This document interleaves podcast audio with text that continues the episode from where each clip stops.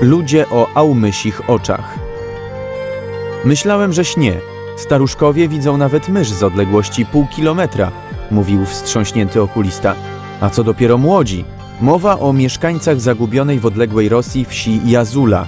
Jak potwierdzili okuliści, ich wzrok jest kilkakrotnie ostrzejszy. Nie jest to jednak zwykła medyczna ciekawostka, lecz prawdziwe kuriozum, a miejscowi mają bardzo oryginalne wyjaśnienie na to, dlaczego się tak dzieje. Do wsi Jazula jedzie się z Gorno-Autajska długo traktem czujskim. Droga jest miejscami kręta, wąska, wiodąca nad przepaściami, wspinająca się na przełęcze, otoczona złą sławą wśród kierowców, ale na całej swojej długości pokryta asfaltem. W wiosce Aktasz, dokąd piaskowe burze zanoszą czasem pył porwany z pustyni Gobi, trzeba skręcić w lewo i przejechać przez czerwone wrota, ciasną szczelinę pomiędzy potężnymi skałami o barwie zakrzepłej krwi. Po kilkudziesięciu kilometrach tundrową równiną i pokonaniu paru stromych przełęczy, przejazd tędy w warunkach zimowych bywa często niemożliwy, niespodziewanie wjeżdża się w gęsty sosnowy bór, a zaraz dalej otwiera się ciasna dolina, w której ulokował się ułagan. Dwu i osada, chociaż nawet według norm syberyjskich uchodzi za wieś dechami zabitą, dla mieszkańców Jazuli jest nieomal Paryżem. Wieś na końcu świata.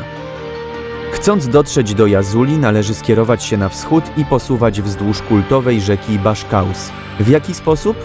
Po tonącej w błocie, bądź też pełnej głazów ścieżce, po stromiznach o karkołomnym kącie nachylenia, latem przejedzie jako tako dobre auto terenowe, najlepiej jak to mówią w Rosji, Russian Jeep, czyli popularny ułaz.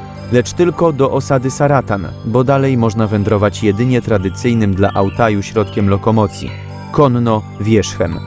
Po 50 kilometrach jazdy na grzbiecie, cierpliwego zwierzęcia, które pewnie stawia swoje cztery kopyta nawet na takich pochyłościach, gdzie człowiek miałby spore kłopoty z utrzymaniem równowagi, dociera się wreszcie do potężnej rzeki Czułyszman. Wystarczy tylko przeprawić się w brud przez rwący nurt, szeroki jak Wisła pod Wawelem i jest się już na miejscu. Po co w ogóle wybierać się do zapomnianej wsi na krańcu świata? Zdawałoby się, że wystarczającą przyczyną jest absolutnie dziewicza przyroda, która w tej części autajskich gór wręcz olśniewa swoim przepychem. Jest jednak również inny powód. Są nim mieszkańcy Jazuli, a raczej ich niezwykłe właściwości. Warto zobaczyć tych ludzi. Rzecz w tym, że wypatrzą przybysza znacznie wcześniej niż on ich. Żaden z mieszkańców Jazuli nie posiada lornetki lub lunety. Sprawdziłem to. We wsi nie ma także ani jednej pary okularów. Widzisz tę kozę o tam? Pyta 75-letni Jan Kajmakow i wskazuje ręką na górę naprzeciwko. Widzę jakiś punkcik, który kiedy nawet mrużę z całych sił oczy w żaden sposób nie chce przypominać kozy.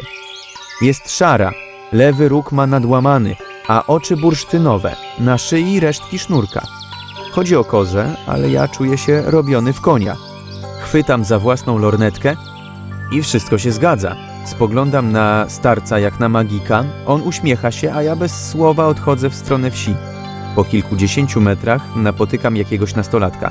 Pokazuje na zbocze góry, choć z tej odległości nie potrafię już rozróżnić tam żadnego punktu, szarego czy też jakiejkolwiek innej barwy. No koza, chłopak przenosi na mnie zdumiony wzrok. Ze złamanym rogiem. To chyba będzie boj ryszewów, dodaje po chwili zastanowienia. 200% wzrok. W Jazuli mieszka niecałe 300 dusz. W większości są to Autajczycy, jest też parę rodzin Kazachów. Wieś leży ponad 2000 metrów nad poziomem morza, zewsząd otoczona górami. Niezwykłą właściwość wzroku mieszkańców Jazuli odkrył przed paroma laty Anatol Kołbasko, lekarz z Nowokuźniecka, który uczestniczył w programie badań kontrolnych prowadzonych na zlecenie władz Republiki Autaj. Myślałem, że śnie. Staruszkowie nawet widzą mysz z odległości pół kilometra, mówił wstrząśnięty okulista. A co dopiero młodzi? Początkowo badający Jazulan Kołbasko sądził, że trafił przypadkiem na kilka osobników odznaczających się sokolim wzrokiem, a pozostali wieśniacy postrzegają świat dokładnie tak jak wszyscy inni ludzie. Jego przekonanie umocniło się, gdy kolejni badani przez niego tubylcy w ogóle nie potrafili rozpoznać żadnych liter na tablicy. Ale lekarzowi zrzedła mina, kiedy wiernie narysowali te litery. Okazało się, że po prostu nie znali rosyjskiego alfabetu. Wyniki badań kołbaski, potwierdzone potem przez innych okulistów, były szokujące. W Jazuli, niezależnie od wieku czy narodowości, wszyscy mieszkańcy posiadają wzrok dużo lepszy od przeciętnego. Rosyjscy lekarze określili go średnio jako 200%. W okulistyce polskiej najwyższa ostrość widzenia, sprawdzana przy pomocy tablicy Snellena, określana jest zapisem 1,0. Tej skali przeciętny wzrok wieśniaków z Jazuli wynosiłby co najmniej 2,0, co oznacza, że najniższy rząd literek na tablicy okulistycznej potrafiliby spokojnie odczytać z dystansu 6 i więcej metrów. Generalnie wszyscy Autajczycy mają znakomity wzrok. Znaczna część poborowych z Autaju jest szkolona na snajperów.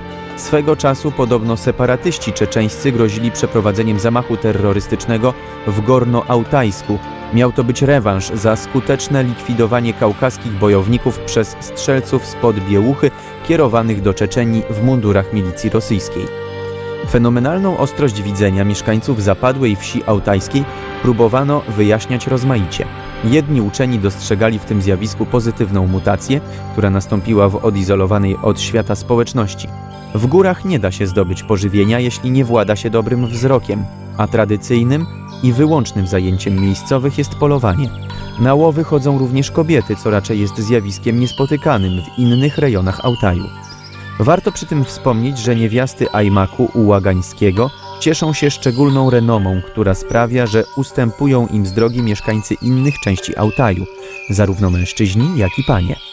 Tutejsze białogłowy bowiem łatwo wpadają w gniew, a skutki ich rozsierdzenia bywają opłakane. W ogóle aborygeni tego regionu uchodzą za niezwykle krewkich. Jak głosi podanie, dawniej skalpowali swoich przeciwników. Do dziś przez współziomków z pozostałych rejonów Altaju przezywani są Apaczami. Bombardowani kosmicznym złomem. Natalia Ananiewa, ordynator oddziału ocznego Kliniki Krajowej w Barnaule, ma na temat superwzroku Jazulan własny pogląd, choć nie sprawia wrażenia, jakby była całkowicie przekonana o jego słuszności. To najprawdopodobniej wrodzony dar, mający związek z genami. Wpływa też na to sposób życia, gdyż na ostrość widzenia oddziaływują pośrednio procesy przemiany materii, plus ekologia, jakość wody i pożywienia. W Jazule jedno i drugie nie zawiera konserwantów. Istnieje także hipoteza poniekąd kosmiczna. Na obszar Ajmaku Ułagańskiego od prawie pół wieku spadają zużyte stopnie rakiet wystrzeliwanych z kosmodromu w Bajkonurze. Nad Autajem pojazdy kosmiczne pozbywają się pustych zbiorników po wykorzystanym paliwie. Kosmiczny złom pada nie tylko w okolicach Ułaganu, ale także w Ajmaku, Ustkańskim i kraju autajskim. Lecący z nieba metal zabił dotąd jedynie krowę, a to dzięki bardzo słabemu zaludnieniu. Na kilometr kwadratowy Republiki Autaj przypadają dwie osoby, w okolicach Ułaganu grubo poniżej jednej. Tubylcy wspominają, że po cenniejsze fragmenty rakiet przyjeżdżały nawet specjalne ekipy poszukiwawcze. Otaczali pierścieniem jakiś teren i nikogo tam nie wpuszczali. Ludziom grozili automatami, wspomina Grzegorz z Ułaganu. Też kiedyś miałem taką przygodę. Łowiłem ryby na jeziorze Teleckim. Płynąłem łódką, był słoneczny dzień. Nagle po wodzie przemknął jakiś cień. Zadarłem głowę, z góry leciał jakiś wielki przedmiot, ale tak dziwnie spadał, jak liść w spokojnym powietrzu. Kołysał się. Ja za wiosła i chodu na prawo, a on też w tym samym kierunku. To ja na lewo i on na lewo. Gorąco mi się zrobiło. Nie wiem, gdzie uciekać, żeby za mną nie poleciał. Wpadł do jeziora może 20 metrów ode mnie. To był taki wielki płat białej blachy, a woda to aż się zasyczała i wypłynęło pełno ugotowanych ryb, tylko kasakiem zbierać. Niemało fragmentów rakiet trafiło w ręce miejscowej ludności. Zdarzały się przypadki trudnych do wygojenia oparzeń i chorób skóry, które dotknęły tych, co zbyt prędko przywłaszczali sobie opadłe na ziemię szczątki wostoków. Nie odstraszyło to innych od praktycznego wykorzystania arkuszy srebrzystej blachy do obicia domów czy nawet budowy sławojek, czyli szaletów podwórzowych. To bombardowanie kosmicznymi śmieciami kontrastuje z sielankową wizją Altaju jako krainy ekologicznie nieskażonej. Rzecz ciekawa, w kraju autajskim kawałki rakiet padają równie gęsto w rejonie Tretjakowskim, jednak tamtejsza miejscowa ludność cierpi z tego powodu w sposób widoczny. Liczba zachorowań na raka przewyższa tam znacznie normę. Ludziom doskwierają także inne problemy zdrowotne. Zdarza się wiele poronień. Niewiele lepiej jest w okolicach wsi Korgon, położonej na zachód od Ust Kan. Problem ten bada bardzo wnikliwie Barbara Profeta, szwajcarska Włoszka, która na Altaju pracuje już parę ładnych lat. Nocami straszą bydło, zaglądają w okna. A tymczasem w Jazule przypadki zachorowań na raka są bardzo rzadkie. Ludzie chorują tu sporadycznie. Tłumaczenie, że wyjątkowo dobry wzrok Jazulan jest wynikiem napromieniowania, czy to radiacją zawartą w kawałkach rakiet, czy też mającą swoje źródło w nieznanych, ukrytych w górach złożach, wydaje się także mocno wątpliwe. Chodziłem po wsi w bezksiężycową noc i gwarantuję, że doskonałe oczy jej mieszkańców nie świecą jednak w ciemnościach. Mieszkańcy Jazuli wierzą, że ich nadzwyczajny wzrok to prezent od Aumysa. We wsi spotkania z nim traktowane są jako coś powszedniego. Nocami podchodzą do wsi, straszą bydło, zaglądają w okna, mówi Kajmakow. A baby wtedy piszczą, łuch! Dorzuca i mruga filuternie. Emerytka Tułgat Kajakowa wynosi jakieś zawiniątko ze swojego ajłu i demonstruje mi jego zawartość. Kłębek brudno-brązowej sierści. Co warte tu wspomnieć, na lodowcu Kurkurek znaleziono łapę zagadkowego zwierzęcia. Badający ją naukowcy stwierdzili, że nie należy do żadnego ze znanych im gatunków zwierząt. Zdaniem naukowców z Barnaulskiego Instytutu Weterynarii oraz z oddziału syberyjskiego Rosyjskiej Akademii Nauk w Nowosybirsku, budowa i układ kości wskazują, że łapa należała do istoty dwunożnej. Aumys to pozostawił, kiedy próbował porwać naszego konia, wyjaśnia. Koń zarżał, wybiegliśmy z domu, Aumys wystraszył się i uciekł. Zahaczył przy tym o ogrodzenie i stąd ta pamiątka. A konia po naradzie z szamanem zdecydowaliśmy się zarżnąć. Tuszę zanieśliśmy na skraj lasu. Nazajutrz zniknęła. Wierzę, że Aumys, posłaniec Eze Autaj, przyjął przeznaczoną mu ofiarę. To wszystko przez to, że uczeni rozkopują nasze kurhany. Trwożą duchy, a te posyłają Aumysy, które nas niepokoją. Tak, my tu nie mamy lekko, użala się Tułgat. Nagle kieruje wzrok gdzieś poza mnie i mówi Oho, mąż wraca z polowania, muszę przygotować kolację, po czym znika w Aile. Oglądam się i w odległości może półtora kilometra widzę poruszającą się na łące plamkę. Według mnie równie dobrze mógłby być to ślubny mojej rozmówczyni, jak i Aumys, czy nawet pasący się sarłyk, ale wiekowa Jazulanka wiedziała, czy raczej widziała swoje. Aumys ma około dwóch metrów wzrostu, stąpa mocno, idąc wymachuje rękami, kiedy ucieka wykonuje skoki, opowiada pastuch Genadiusz Matwiejew, pastuch z Jazuli. Raz go nawet sfotografowałem, ale kiedy wywołałem film, akurat ta klatka okazała się prześwietlona. Jakim to sposobem Aumysy zdołały przekazać swój podarek mieszkańcom Jazuli? Przecież często wśród Autajczyków, a także w Autaju mongolskim spotyka się opowieści o związkach, dobrowolnych lub wymuszonych, mężczyzn z Aumyskami albo Aumysek z ludźmi.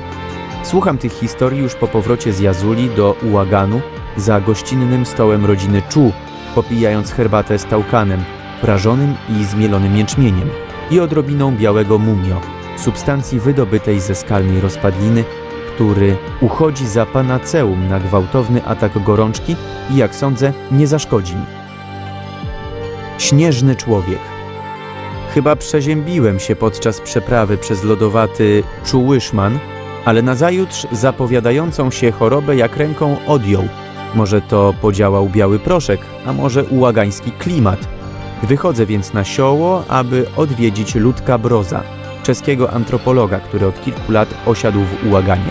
Zadomowił się tu na dobre i kiedy wyjeżdża do ojczyzny, zawsze anonsuje to w miejscowej gazecie Ułaganynk Soundary wraz z informacją Wracam w październiku, Ludek. Na nagim stoku pobliskiej góry widać miejsce kultu sił natury i nieco wyżej prawosławny krzyż. Bardzo wielu mieszkańców Ułaganu to prawosławni chrześcijanie, przynajmniej nominalnie. W Ajmaku było ponad 30 cerkwi, jedynie w tej części Altaju rosyjskie misjonarstwo odniosło wyraźniejsze sukcesy. Ale my jesteśmy poganami, powiada Timur Czu, ojciec Andrzeja. Ja tam pokłaniam się całej przyrodzie. Wiem, że w niej jest siła, która może mnie zmieść w jednej chwili i to wystarcza, abym oddawał cześć niebu nade mną, i ziemi pode mną, dodaje i ochoczo wychyla kieliszek żubrówki. Jak na swoje 74 lata wygląda niezwykle krzepko i dziarsko. Rodzina Czu odznacza się szczególną długowiecznością oraz znakomitym zdrowiem. To dlatego, że wśród naszych przodków był Aumys. Andrzej śmieje się, ale chyba tylko dlatego, że ma do czynienia z Europejczykiem. W rozmowie z rdzennym mieszkańcem Altaju zachowałby w tym wypadku powagę. Jestem o tym przekonany. Mojego ojca do tej pory przezywają śnieżnym człowiekiem. Podobno jego babka miała w rodzie jakiegoś Aumysa. Ojciec większość życia spędził z wyboru w śniegach, w lesie. Mówi, że tam się czuje jak u siebie w domu. Ja też poszedłem w jego ślady. Prawdę mówiąc, czasami przyłapuję się na myśli, że wolę nocować w jamie wygrzebanej w śniegu pod świerkiem, w głuchej tajdze, niż w domowych betach.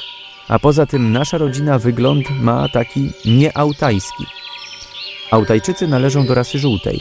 Mają mongoidalne rysy twarzy, raczej mizerny wzrost i niezwykle gęste czarne włosy, poza niektórymi mieszkańcami rejonu ułagańskiego. Ci bowiem są wysocy, postawni, rudzi, niebieskoocy, o cerze bladej, wręcz białej.